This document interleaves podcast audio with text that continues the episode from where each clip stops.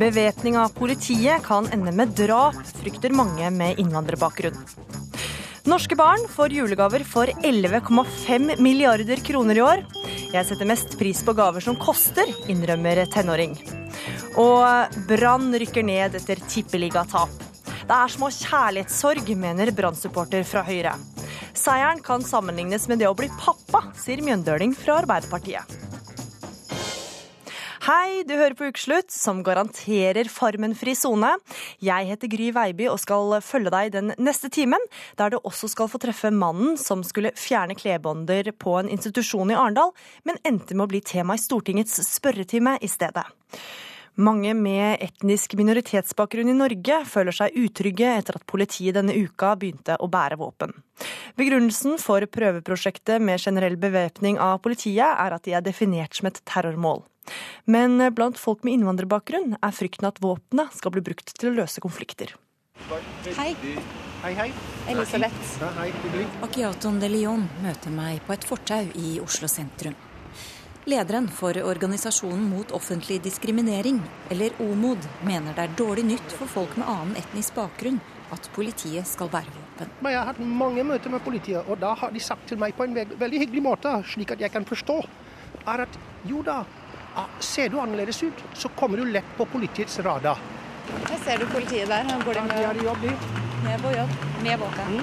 Ja, med våpen. Rett ved siden av oss har politiet stoppet en bil.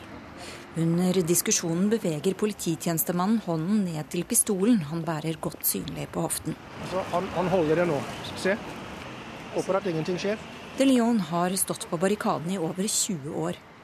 Ifølge ham får organisasjonen tilbakemeldinger hver eneste uke fra folk over hele landet som føler seg trakassert og diskriminert i møte med politiet. Og dette er et felles problem for alle. Nå har det gått i arv, fordi det er våre barn som har arvet dette her. Og det er derfor mange er bekymret. Fordi det er våre barn som står i sikte for politiet som er bevæpnet. Hva er du redd for at kan skje? At folk kan bli skutt. Ja, det skjedde den eh, videoen her. Sånn, det som skjedde i sommer. Jean Felicien Nyan viser et videoopptak på mobiltelefonen sin. I sommer ble han og kona stoppet i en rutinekontroll. Politiet mistenkte at de var nigerianske narkolangere. Legitimasjonen viste at ingen av dem er fra Nigeria. De har bodd i Norge i over 20 år. Og hvordan opplevde du eh, det som skjedde? Jeg var veldig lei meg og skuffet og forvirra. Likevel får de håndjern, og Nobule Mbilase Enyam blir lagt i bakken før hun havner på glattcelle. Vondt, og så de drar meg inn i bilen, og så satt de igjen på meg i bilen. Jeg skrek, jeg meg vondt med hånd. Og så satte de meg i glattcellen. Ta av klærne mine, jeg var naken, jo. Cellen. Jeg spør hvorfor. Hvorfor er det sånn? Hva har jeg gjort? Hvorfor kommer jeg her? Og så, nei, du må komme og ta tøyene dine. Jeg sa jeg klarer ikke, jeg har vondt, jeg klarer ikke å bøye meg og ta på meg. Ta det, så De tok en stol som rullatorstolen i stjelen. Binder meg fast der og triller meg ut. Det var sønnen hennes som fanget det hele på mobilkameraet sitt. Hun tør nesten ikke å tenke på hva som hadde skjedd dersom politiet hadde hatt skytevåpen. Det som jeg har sett nå i Amerika som har skjedd Jeg sa til ham å, hvis politiet her i landet hadde våpen, kanskje jeg skulle ha blitt skutt. Se hva som skjer, folk blir drept for ingenting. Jeg har ikke gjort ingenting. Jeg har ikke gjort ingenting. Også den yngre generasjonen er bekymret over at politiet nå bærer våpen. På en ungdomsklubb møter jeg Karl Oskar. og Sully. Det er bare fargen på huden som vitner om at disse 18-åringene har røtter utenfor Norge. Karl Oskar har blitt stoppet flere ganger av politiet som ber ham å vise legitimasjon. Hvordan reagerte du aller første gang når du hørte at politiet skulle bære våpen? Jeg ble opprørt, først og fremst. Med tanke på alle de stygge hendelsene som har skjedd med uskyldige personer i andre land pga. væpnet uh, politi. Ja, jeg reagerte ikke så veldig bra på det. Men Ble du redd? Ja, både òg. Altså, med tanke på at jeg også er uskyldig. Mange venner mine er uskyldige, og de har blitt stoppet flere ganger av politiet. Og jeg mener hvis det er en sånn Hvis det begynner å bli um, aggressivt, da, det forholdet de har med politiet, så plutselig kan de bare dra, dra ut et våpen, ikke sant. Og så, ja, så vet man ikke hva som skjer etter det. Liksom. Hva med deg, hvordan eh, reagerte du? Det var en veldig skummel tanke, egentlig. Å tenke på at politiet nå får lov til å gå fritt med våpen. Uh, som Karlovska sa, det er enkelte ganger man blir stoppet. Jeg personlig har aldri blitt stoppet, men jeg har venner som har blitt stoppet en god del. Og det har jo ikke gått for seg helt greit. Det er jo satt i håndjern og tatt med.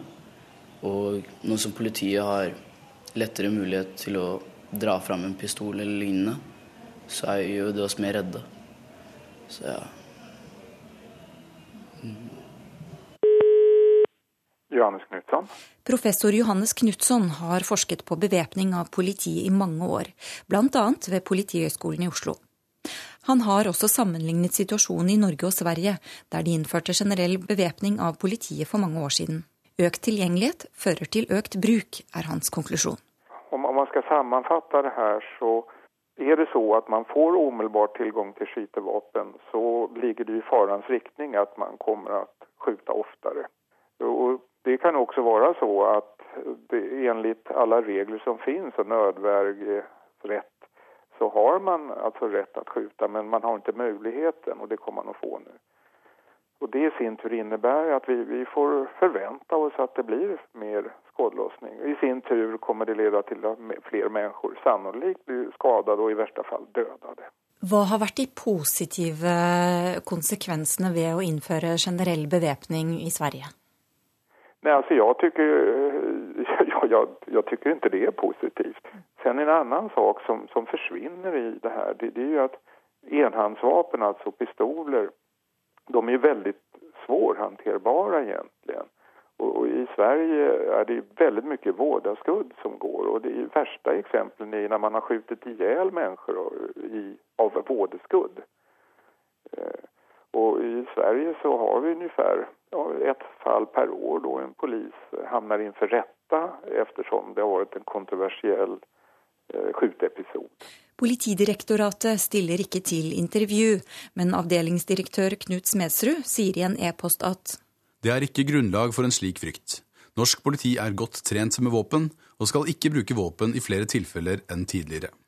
Bevæpning skjer nå kun pga. den foreliggende trusselsituasjonen. Kan du forstå at eh, politiet har behov for å sikre seg bedre i en tid der terrortrusselen øker mot Norge?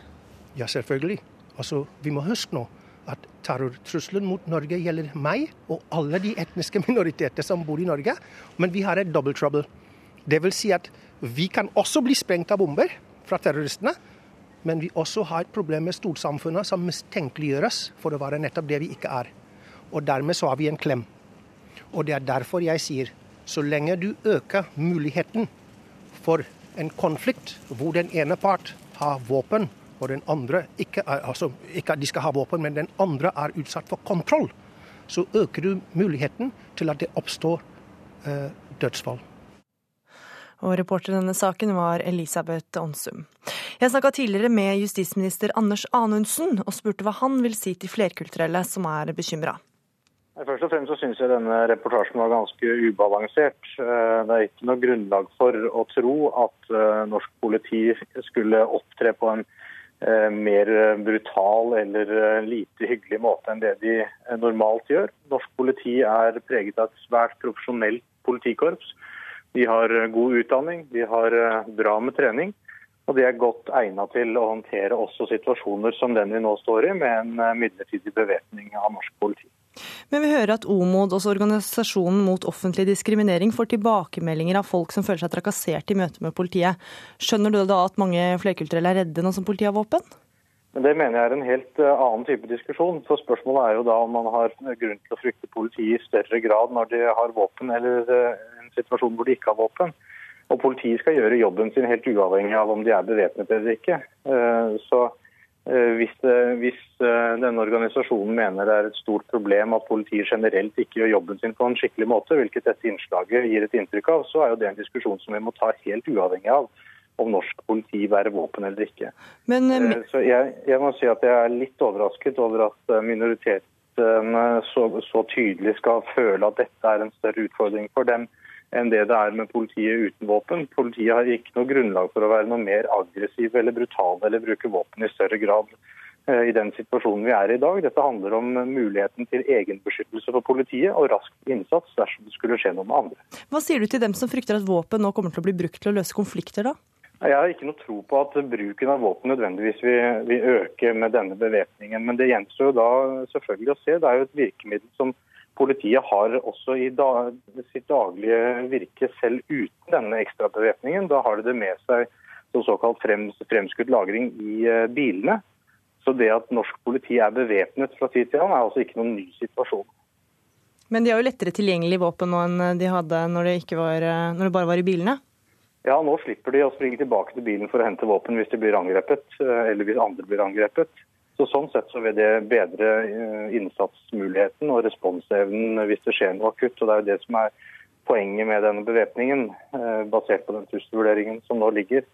Ehm, men eh, norsk politi har svært god utdanning, de har god trening. og de, er, ikke, de er overhodet ikke ukjent med en situasjon eh, hvor man skal håndtere eh, våpen i eh, tjeneste. Så du må vi huske, synes jeg, at Norge er ett Det er vel tre land i tillegg til Norge som ikke har et bevæpnet politi. Eh, og det er mange fordeler med å ha et ubevæpnet politi generelt. Men i en situasjon som den vi befinner oss i nå, Eh, så må politiet ha de eh, verktøyene i verktøykassa som de mener det er faglig nødvendig å ha for at de skal gjøre en skikkelig og trygg jobb. Men det er vel ikke noe grunn til å anta at terrortrusselen blir mindre?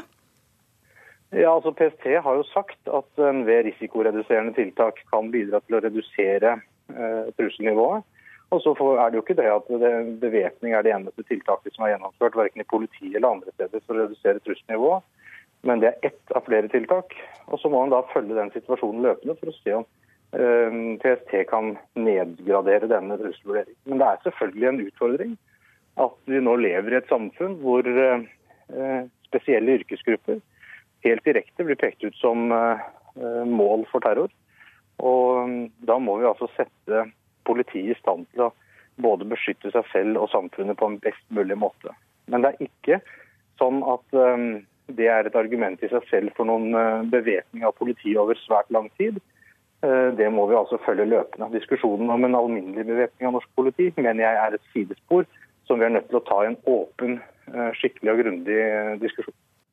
Takk til justisminister Anders Anundsen, som jeg altså snakka med tidligere.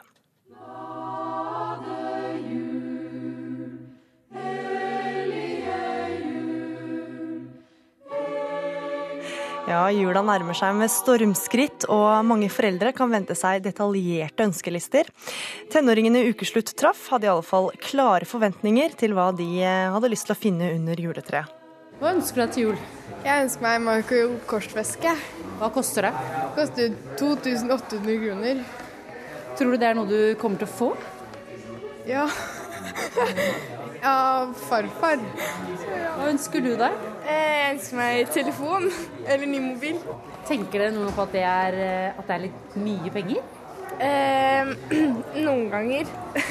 Men eh, det har liksom på en måte blitt litt sånn press at alle får eh, bra gaver og sånn. Og folk etter jul spør ja, hva fikk du til jul, da? Så må du på en måte si noe bra. Hva er den fineste julegaven du noen gang har fått? Mac. Og den kostet? 13 000. Kanskje iPhone 5S. Er det vanlig å få så fine gaver i julegave? Ja, det er vel det. Norske barn kan forvente seg å få julegaver for 11,5 milliarder kroner i år. Det er 48 ganger mer enn årets TV-aksjon eh, samla inn. Og forbrukerøkonom i DNB, også kjent fra Luksusfellen, Silje Sandmæl. Du hører ungdommene her vil ha dyre vesker og mobiltelefoner. Blir du overraska når du hører eh, ønskene deres? Ja, jeg, altså, jeg gjør jo det. At uh, man kan ønske seg så dyre gaver. Det er jo galskap. Jeg må jo si det. Men uh, altså, de får det jo. Så, så, jeg skjønner jo godt at de ønsker seg det. I en eh, kronikk på NRK Ytring så spør du om barna må få så dyre gaver. Hva mener du med det? Nei, jeg mener altså eh, I den undersøkelsen som vi har gjort, så er det altså over 60% som føler på dette kjøpepresset. Samtidig så sier altså halvparten av oss at vi syns at eh, gavehaugen er for stor. Så det er jo et paradoks, da, for det er jo vi foreldre som faktisk eh, kjøper gavene. Så det er vi som setter prislappen, og det er vi som bygger opp og ned forventningene. Så, så vi skyter oss selv i foten, fordi at det er vi som lager denne runddansen her. Tidligere deltaker i Teenage Boss på NRK, Amalie Fagerhaug Evjen. Nå er du 18 år. Eh, du hørte ungdommene ønske seg dyre vesker og mobiltelefoner. Kjenner du deg igjen i det? Ja, eh, jeg kjenner meg veldig igjen i det. Men altså, jeg blir ikke overraska, jeg, fordi man, som hun sier, da, man får det jo. Så det er, vi setter altfor høye krav, da. Og eh, jeg syns det er egentlig veldig dumt, eller det er overraskende at så mange ønsker seg det. For mange av vennene mine ønsker seg vesker og Mac-er og iPhoner og forventer at de skal få det, da. Hva er det du ønsker deg i år, da? Eh, jeg, det som står høyest på ønskelista mi, er jo en veske, da, det òg. Og den koster jo, den koster jo 4000. Men da tenker jeg at, eh, at familien kan liksom spleise på det, da. Men eh, jeg er jo en av dem som eh, ønsker seg dyre gaver. Silje Sandmæl, du mener vi bør samle opp flere ønsker i løpet av året. Hva mener du da? Ja, altså jeg, Det er noe med at eh, ønskelistene i dag de er jo ikke så veldig lange. Når man sier at eh, man skal lage ønskeliste til julenissen, så, så skriver man et par ting. Fordi at man får gjerne det man vil i løpet av året. Fordi man har god råd i Norge. Så, så ønskelistene de består da av disse dyre tingene. For det er kanskje ikke noe man bare kjøper eh, på en hverdag. Så jeg mener jo at man eh, i mye større grad bør ha litt eh, tålmodighet, og så samler man opp ønsker, sånn at ikke ønskene er så dyre. For det, det syns jeg Ja, igjen. Jeg syns det er rene galskapen. Men Amalie, hva syns du om det, da? At du heller eh, skal spare på alt du ønsker deg i løpet av året? Altså det, det, høres jo egentlig greit ut, men da tenker man også at får man ikke noe annet liksom annet i året enn bare en julegave, så det er jo Men jeg har bursdag da i mars, så da kan jeg liksom legge sammen egentlig julaften og bursdagsgaven, da. Det har jeg gjort før. At du får en ekstra fin gave som er kombinasjon av de to tingene. Ja. Men får du ting ellers også i løpet av året? Ja, jeg får jo Ja, jeg gjør jo det. Jeg får jo ting av eh, mamma, og jeg får litt mer enn det jeg trenger, egentlig. Silje Sandmer, hvorfor har det blitt sånn? Hvorfor klarer vi ikke å, vi voksne, å eh, sette begrensninger? Nei, altså vi, vi, bruker veldig ofte unnskyldninger som at uh, alle andre får det jo, så hvorfor skal ikke mine barn uh, få det? Og man vil ikke at barna skal føle seg utenfor. Man er veldig redd for uh, mobbing. Men her tenker jeg at vi må jo på et eller annet tidspunkt sette foten ned. Og barn de er jo ikke dumme. Altså Her gjelder det å snakke med barna sine om penger, sånn at de forstår at ting koster. For det er særlig de familiene med dårlig råd. De har jo ikke, har ikke muligheten til å egentlig kjøpe disse dyre gavene, men allikevel så gjør de det fordi at de ikke ønsker at barna skal føle seg utenfor. Men her igjen tror jeg at vi voksne setter mye større forventninger til oss selv enn det barna gjør. fordi at de, hvis de bare hadde forstått at ting koster, altså det koster å bo, det koster med strøm, det koster med mat, så hadde de faktisk ikke ønsket seg så dyre gaver, tror jeg. Og de ville forstått at familien ikke har råd. Hva sier du det til, Amalie? Du fikk jo styre familiens økonomi du en måned. Ja. Nei, eh, ja, jeg vet jo det når jeg fikk eh, det budsjettet. Og så da tenkte jeg på Da kom jeg på, innen, kom jeg på tanken at på julaften, da, da hadde jeg aldri klart å få kjøpt gaver til hele familien med det budsjettet. Så jeg skjønner jo det etter at jeg var med på Teenageboss, at uh, man, man, ungdom og barn da, burde vite litt mer om uh, hva man betaler. Altså sånn det hun nevnte, da, med husleie og mm. alt. Men hvor viktig er det at du får det du har satt opp på ønskelista di?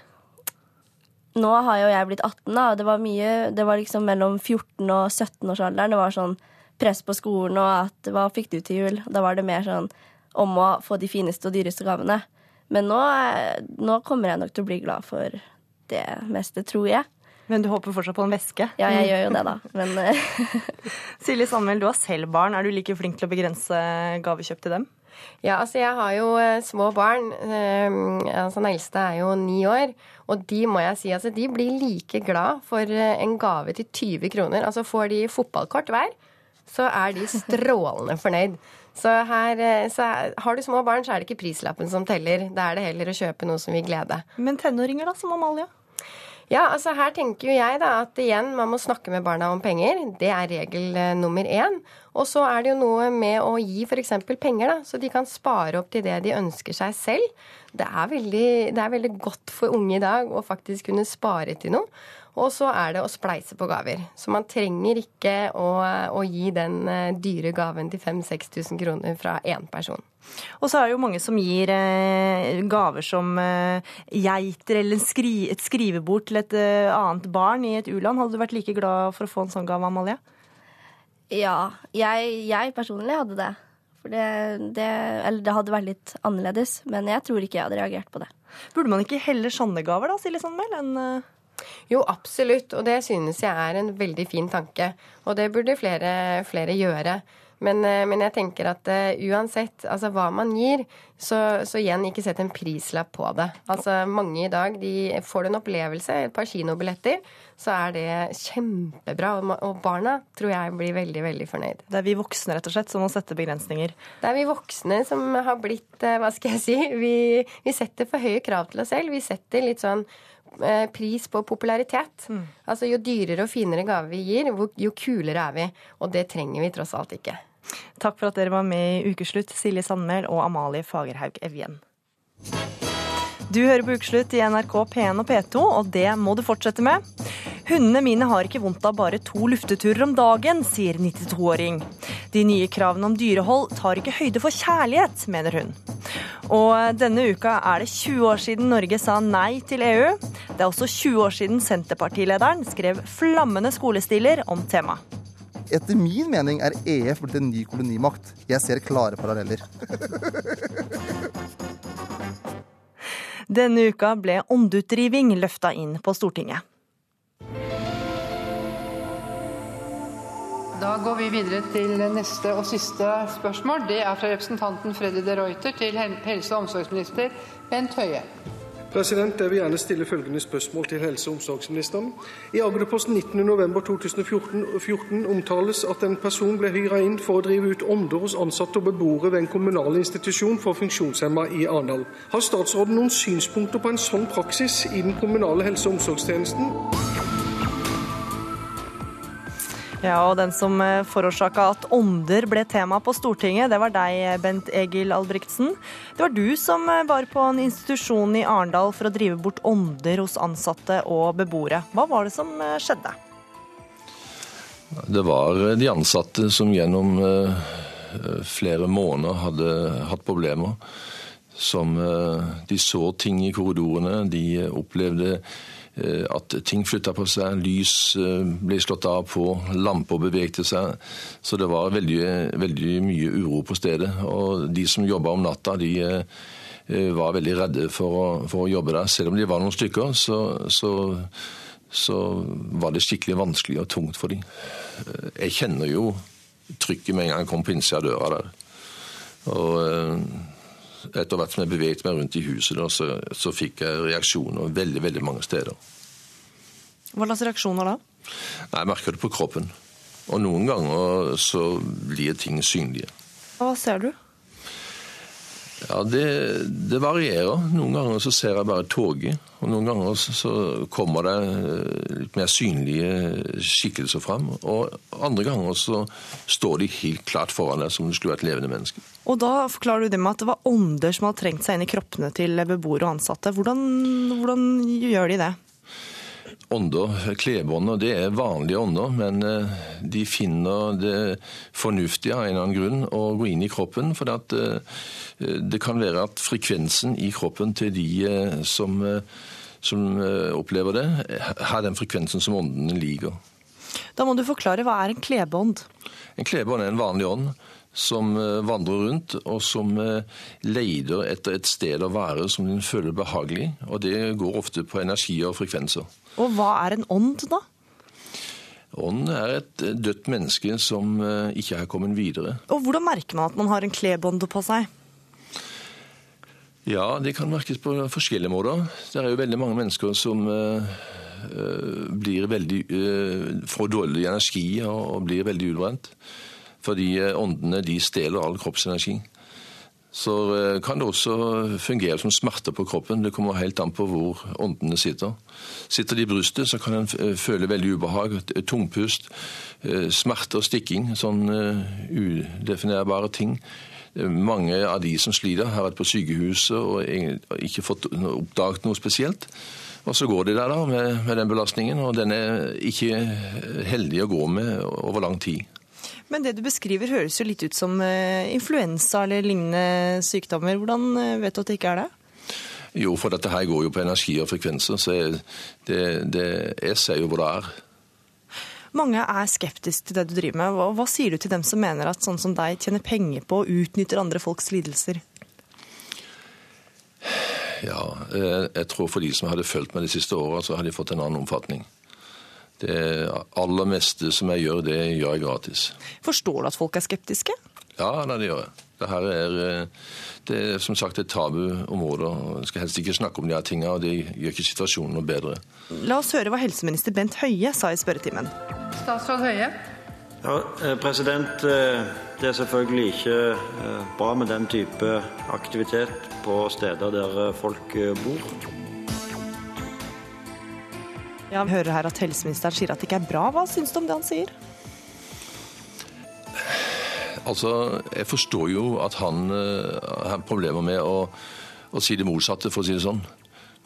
For det, at, uh, han, det hadde vel ikke vært bra for han hvis han hadde prøvd å innrømme noe som helst. Kan det bety at han har en klebånd på seg, at han er så negativ? Nei, en blir ikke negativ av klebånder. Men, men klebånder, ja, En kan gjøre det hvis det er den rette typen klebånd. Men stort sett så, så er det klebåndet de, de stjeler energien til menneskene. Takk for at du var med i Ukeslutt, Bent Egil Albrigtsen. Brann blir kjempet i senk! Det blir spilt i senk! Brann rykker ned! Og Mjøndalen er klare for Eliteserien i fotball! Da Brann tapte for Mjøndalen i Tippeligaen denne uka, ble mange bergensere målløse. Noe som eh, sier sitt.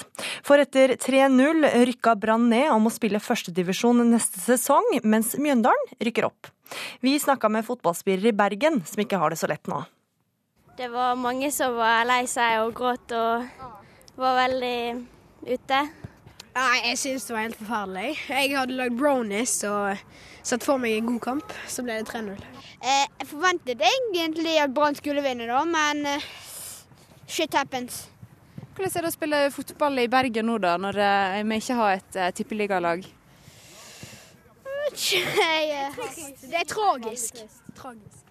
Ja, Det er trist og tragisk, og det kan vel du skrive under på, Erik Skutle. Du er stortingsrepresentant fra Høyre, sitter på Hordaland-benken og altså Brann-tilhenger. Hvordan har du hatt det etter sjokkampen på onsdag? Nei, det har jo vært uh, tungt. Uh, det, det, er bare en sånn tomhet som sitter igjen i kroppen. Uh, jeg vet ikke helt om jeg skal sammenligne det med å bli dumpet av kjæresten eller å miste en et nært familiemedlem. Men det er sånn, alt blir bare et ork. Det er bare mørke skyer som henger over deg, og det er et ork å pusse tennene, og det er et ork å ta på seg klær, og det er ork å lage mat, og det er bare helt forferdelig, egentlig. Og da har det vel ikke vært eh, helt lett, for eh, på Stortinget så har sørgende bergensere måttet forholde seg til sånne som deg, Torgeir Micaelsen.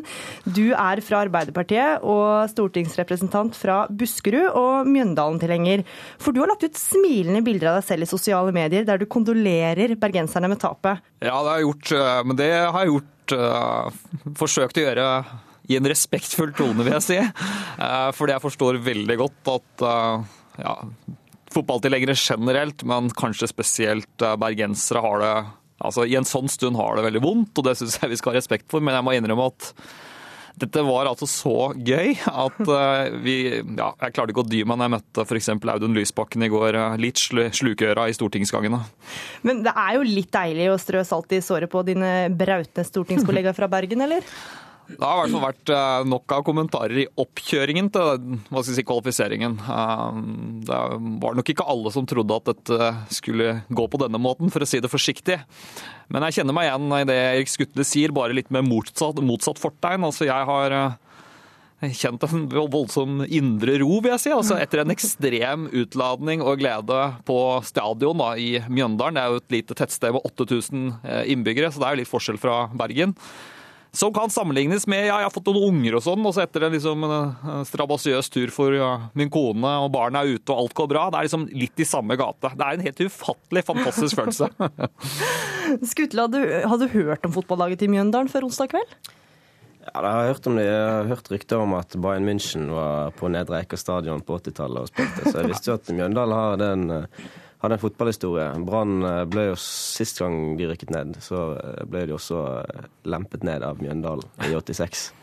Og vi tapte jo Ble jo slått ut av cupen, altså NM, i fjor av Mjøndalen også, på Brann stadion. Så at Mjøndalen var et litt ekkelt lag å spille mot, det har jeg for så vidt registrert og fått bekreftet. Ja, Torgeir Micaelsen, å kjøre gjennom hovedgata i Mjøndalen tar 1 minutt og 15 sekunder, melder Aftenposten. Ja, det er riktig, da. Det ikke er noe spesielt pent syn heller, for å være helt ærlig. Den er, den er, litt sliten, men det er, det, er, det er, litt sånn det er oppe hos oss. Men det må være greit når dere vinner over Brann? Ja, det var det. Og vi har jo hatt egentlig trua hele tiden. For det er helt riktig det Skutle sier, at eh, vi har egentlig hatt bra tak på, på Brann de siste årene. Men vi frykta jo litt sånn, det var ikke Bayern München, eh, Erik Skutle, men det var Verde Bremen. Ja, ja, ja men det, jeg forstår at du ikke kjenner din Mjøndalshistorie så godt som det jeg gjør. Det skulle bare mangle. Men da vant vi da i Verde Bremen i Tyskland 1-0 på bortebane. Mm. Ikke helt ja, Litt sammenlignbart med det som skjedde i Bergen. Men når da Verde Bremen kom til ja, det som da het Nedre Eiker stadion, den er revet nå. Vi bygde en ny stadion med 2500 innbyggere. Det, nei, 2500 tilskuere. Det syns også bergenserne var veldig rart, når de ikke fikk flere enn 300 billetter. Men da fikk vi altså fem mål i sekken eh, på hjemmebane. Og det var jo den følelsen vi egentlig frykta vi skulle sitte hjemme etter onsdag. Men så gikk det ikke sånn, gitt. Det gikk inn, det gikk inn. Det gikk inn i historiebøkene. Men hva, hva er din forklaring på at lille Mjøndalen slår Brann, da?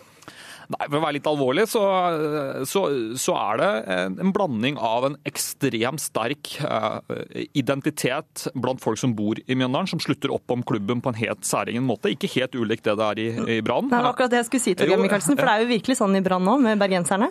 Ja, og så, så det sier, sier, vel litt at det er ikke nok i seg selv. Du må også ha kunnskap og kompetente folk som over tid altså Mjøndalens tredje trener Vegard Hansen har jo f.eks. trent laget nå i ni år. Eh, jeg var med på første opprykksfesten. Det var da fra tredje, altså oppgitt, ja, fra tredje til andredivisjon i 2006. En legendarisk tur til Braskereidfoss i Elverum. Eh, da var vi like glad som vi var på onsdag. Men det er altså han og et par andre som da holdt dette gående med tålmodighet, med kompetanse og eh, ja, en glød som har gjort at det over tid har blitt veldig gode resultater ut av veldig lite penger. Vi har jo ikke noe særlig penger i Nedre Eiker. Vi er jo generelt fattige, både kommunen og alle andre. Ja, for Dere har et litt ulikt budsjett. Brann har et budsjett på 120 millioner, og Mjøndalen har et budsjett mellom 10 og 14 millioner. Eh, Erik Skutle, hva er din forklaring på dette her, da? Nei, hadde jeg hatt noen god forklaring, så eh, hva syns du om det, Noe som har fått litt oppmerksomhet, er jo de brune draktene til Mjøndalen. Hva, hva syns du om de, Skutle? de brune brunskjortene, holdt jeg på å si. Nei da, jeg syns eh, rødt er bedre enn brunt. Nei, for Michaelsen, altså Brunskjortene kaller laget ditt seg. Er dere litt historieløse i Mjøndalen, eller? Uh, nei, det er ikke det, fordi vi har hatt den fargen uh, ganske lenge, egentlig. Jeg tror til og med det var før det ble berømt for noe annet. Så det har jo også en sånn uh, Jo, men det er jo noe, det er noe fantastisk at du fortsatt i 2014 spiller da med ja, ganske sånne ja, Jeg er enig, de er ikke veldig pene. Men det er litt sånn det er i, i Mjøndalen. Altså, vi er ikke så veldig opptatt av fasade og det ytre. Vi er opptatt av På stadion står slagordet til MIF, det er, det, altså til Mjøndalen idrettsforening. Det er da lagånd, innsats og kameratskap. Og Det er liksom de verdiene ja, hele bygda er tufta på, som vi er stolte av, og som nå igjen skal spille mot de store i Eliteserien. Jeg så at treneren til Mjøndalen, Vegard Hansen, var på besøk med NRK i går kveld og sa at han nok aldri ville nå sette penga på at vi kom å, ikke kom til å rykke ned med en gang. Det er jeg enig i. Men vi var også utrolig nervøse når vi rykka opp til førstedivisjon for noen år siden, fordi vi mente at det var altfor tidlig, og det var vi ikke klare for. Men da holdt vi på å rykke opp til Eliteserien med en gang. Så hvem vet? Er det seriegull neste? Jeg vet ikke. Jeg må bare si at eh, jeg har all mulig respekt for den dugnadsånden og den lagånden som har vært i Mjøndalen. Jeg kjørte jo opp dit eh, forrige fredag for, for, å stå i noen minusgrader i denne billettkøen for å skaffe billetter. Og da var det både, både kaffe og god stemning og, og, kjeks. og det var veldig, Vi ble tatt imot på en god, god måte både da og når vi, vi var på stadion. Uh, på onsdag. Så all ære til Mjøndalen. De har fortjent å gå på hyggelig å du sier det, Erik. Jeg, jeg beklager at dere ble da tildelt en, en, en sånn grushaug bort på sida. som borte, jo, men det var det vi hadde å tilby bort til supporterne. Det skal bli bedre til neste gang, men uh, det er også et bilde på at uh, vi har ikke så mange millionærer. Og vi har ikke så mange som kan spytte i så veldig mye penger. Men vi har noen som nå også sier at de kanskje kan bidra med noe mer.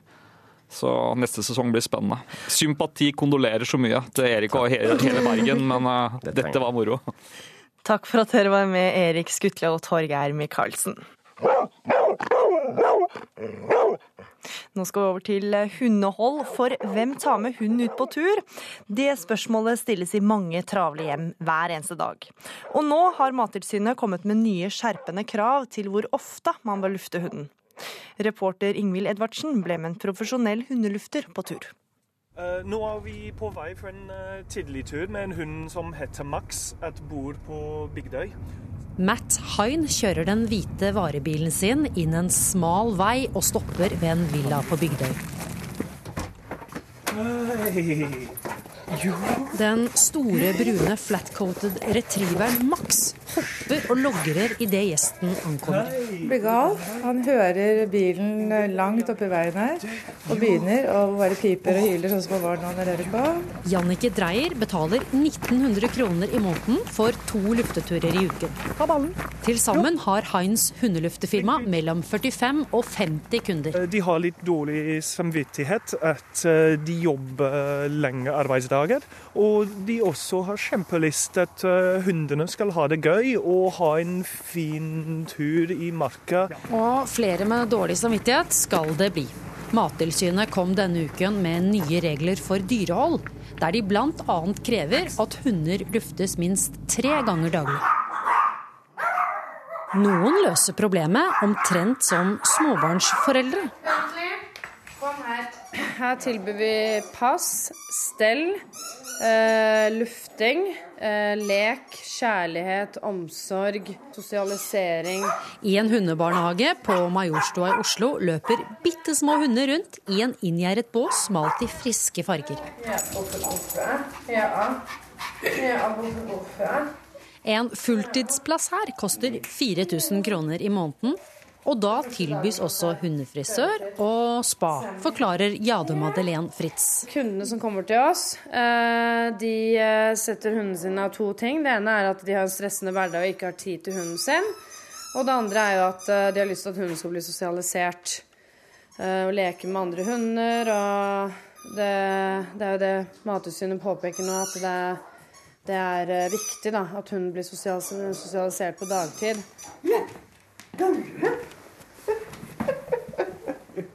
I en lys leilighet på Grefsenkollen i Oslo leker 92 år gamle Alexandra Myskova med sin lille grå dvergschnauzer Jippi.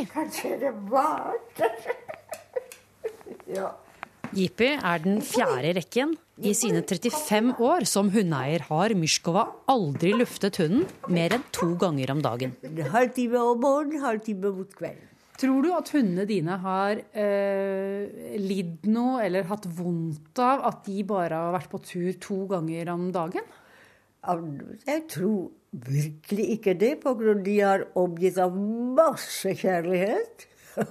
Og har orden og først og fremst kjærlighet. Det syns jeg er det viktigste. Matt Hein forlater Bygdøy i varebilen sin på vei til fire nye hunder som skal luftes. Han er redd andre hundeløftere nå vil slå økonomisk mynt på de nye reglene. Jeg er enig i at hundene må uh, være ute tre ganger om dagen. Men, uh, men det er mye bedre å ha to lange turer enn at hundene, hundene skal være kjempestresset og gå med 17 eller 20 andre hunder, alle i kort bånd. Det, det er ikke rettferdig for hundene. Ja, det var altså reporter Ingvild Edvardsen som var med på luftetur. Da er ukeslutt slutt. Ansvarlig for sendinga var Kari Li. Teknisk ansvaret hadde Erik Sandbråten. Skript var Tove Nilsen Søtorp, og i studio var Gry Veiby, som takker for følget.